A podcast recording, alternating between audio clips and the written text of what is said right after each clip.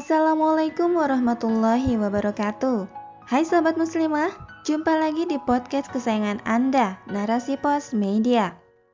Bersama saya, Naibe Iskara dalam rubrik Syiar.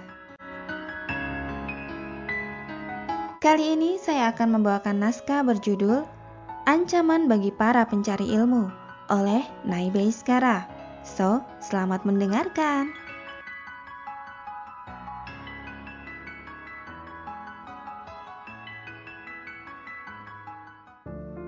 Rasulullah Shallallahu Alaihi Wasallam bersabda, Siapa saja yang menuntut ilmu yang seharusnya untuk mencari ridho Allah, namun ia tidak menuntutnya kecuali untuk mencari dunia, maka pada hari kiamat ia tidak akan mendapatkan bau surga.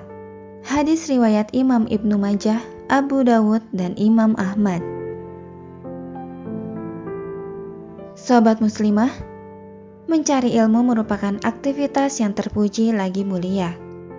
Banyak sekali ayat-ayat yang memuji bagi mereka yang melakukan aktivitas ini. Begitupun dengan hadis-hadis Rasulullah Sallallahu Alaihi Wasallam yang menerangkan tentang kewajiban mencarinya, keutamaan para pencarinya, dan ganjaran yang diberikan Allah bagi hambanya yang rela berlelah-lelah menuntut ilmu hanya untuk menggapai ridhonya. Di antara hadis-hadis yang menjelaskan anjuran mencari ilmu diriwayatkan oleh Imam Bukhari dan Muslim, yaitu hadis tentang Allah Subhanahu wa taala yang akan memberikan kebaikan pada seseorang dengan pemahaman agama. Imam Ibnu Majah, yaitu hadis tentang kewajiban mencari ilmu bagi setiap muslim, baik laki-laki maupun perempuan. Imam Ibnu Asakir, yaitu hadis tentang malaikat yang membentangkan sayap-sayapnya untuk para pencari ilmu dalam majelis-majelis ilmu. Dan Imam Tabrani, yaitu hadis tentang jarak antara para nabi dan para pencari ilmu, melainkan hanya satu derajat kenabian. Di dalam kitab Ta'lim Muta'alim karya Syekh Azhar Nuji dinyatakan, ada ilmu yang disebut dengan ilmu hal. Ilmu hal ini merupakan ilmu yang dibutuhkan dan seketika itu diamalkan bagi orang-orang yang telah menjadi mukallaf untuk menjalani kehidupannya. Ilmu yang dimaksud adalah ilmu agama. Dengan mencari dan belajar ilmu agama, maka seseorang akan memahami apa yang harus dilakukannya sebagai hamba untuk meraih ridho robnya. Dengan ilmu itu, ia akan mampu mencegah dirinya untuk melakukan perbuatan-perbuatan yang melanggar ketentuan agama atau bermaksiat pada Allah Subhanahu wa Ta'ala. Sebaliknya, dengan ilmu yang sama, ia akan mampu menjalani segala perintah Allah yang telah diwajibkan baginya dan dicontohkan Rasulullah untuknya. Ilmu yang seseorang cari, kemudian ia mengajarkannya kembali pada orang lain, menjadi sedekahnya yang paling utama dibandingkan sedekah dengan harta. Karena bila kita mengajarkan ilmu, terutama ilmu agama pada orang lain, maka itu berarti kita sedang menanam suatu amal yang sifatnya muta'addi atau ilmu yang dapat berkembang.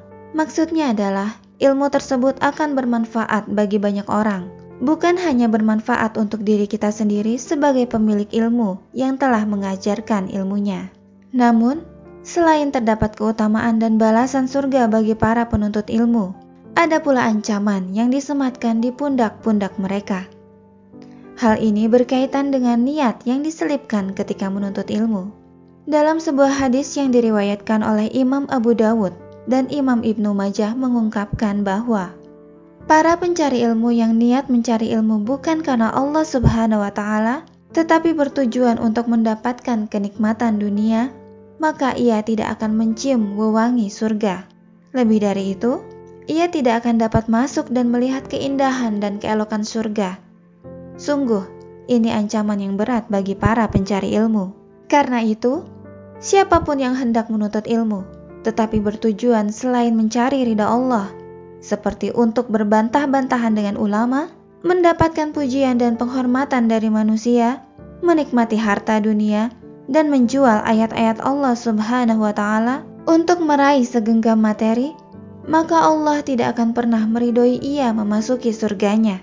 Sebaliknya, ia akan mendapatkan murka Allah dan jelas tempat kembalinya di kampung akhirat adalah ke nerakanya. Maka, Para pencari ilmu harus membersihkan niatnya ini dari tujuan selain menggapai ridho Allah Subhanahu wa Ta'ala.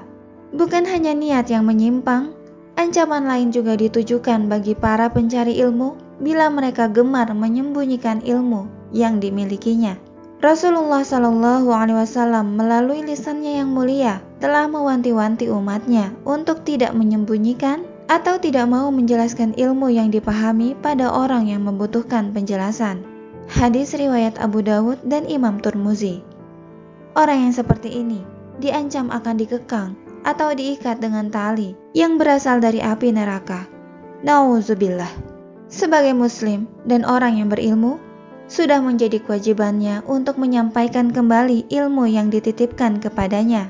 Terlebih lagi, bila ada orang yang bertanya perihal agama, karena bisa jadi penjelasannya akan memberikan secercah pemahaman pada orang tersebut, sehingga mampu mencegahnya melakukan kesesatan dan kemaksiatan. Sebaliknya, bila ia diam dan tidak mau menerangkan apa yang ia pahami, maka dikhawatirkan orang yang bertanya tadi akan terjerumus ke dalam dosa. Ia akan tergelincir dalam kubangan maksiat tanpa memahami apa yang ia perbuat adalah kesalahan yang fatal. Karena itulah, Allah tidak menyukai orang yang sengaja menyembunyikan ilmunya, dan kelak ia akan mendapatkan siksaan yang pedih. Dalam kitab terjemahan At-Taghib wa Tarhib, Hafiz Al-Munziri menuliskan bahwa Allah memberikan ancaman kepada para pencari ilmu selain karena niatnya yang salah dan menyembunyikan ilmunya, yaitu orang yang memiliki ilmu tetapi tidak mau mengamalkan ilmunya di dalam kehidupan. Rasulullah Wasallam menyebutkan dalam sabdanya bahwa orang seperti ini akan mendapatkan siksa yang lebih cepat dibandingkan para penyembah berhala. Hadis riwayat Tabrani. Mengapa demikian? Hal ini dikarenakan Orang yang berilmu telah memahami apa yang diperintahkan oleh Allah Subhanahu wa taala dan apa yang harus dijauhi. Tetapi ia dengan sengaja melakukan pelanggaran terhadap aturan Allah Subhanahu wa taala. Sedangkan para penyembah berhala, mereka tidak meyakini adanya Tuhan yang menciptakan sehingga mereka tersesat dan melakukan kemaksiatan. Mereka tidak melakukan itu dengan sengaja karena mereka memang belum tahu. Orang berilmu yang tidak mengamalkan ilmunya diumpamakan oleh Rasulullah Shallallahu Alaihi Wasallam bagaikan lilin yang memberikan penerangan pada sekitarnya, tetapi membakar dirinya sendiri. Sungguh merugi orang yang terkategori kelompok seperti ini. Maka dari itu, luruskanlah selalu niat kita kala berjuang mencari ilmu. Jangan sampai niat kita menyimpang dari niat awal kita di jalan ini.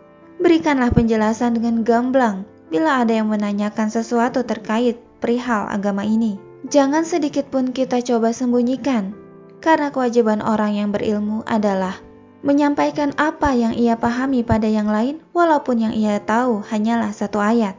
Selain itu, Islam mengajarkan bahwa ilmu itu lil amal. Artinya, setiap ilmu Islam yang didapat dan dipahami haruslah diterapkan oleh kita karena Islam adalah agama yang praktis. Semua hukum-hukum di dalamnya ada tata cara penerapannya.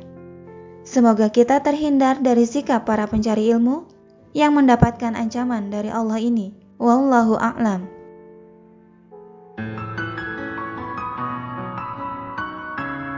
Baik sobat muslimah, semoga apa yang disampaikan tadi dapat menambah wawasan kita ya.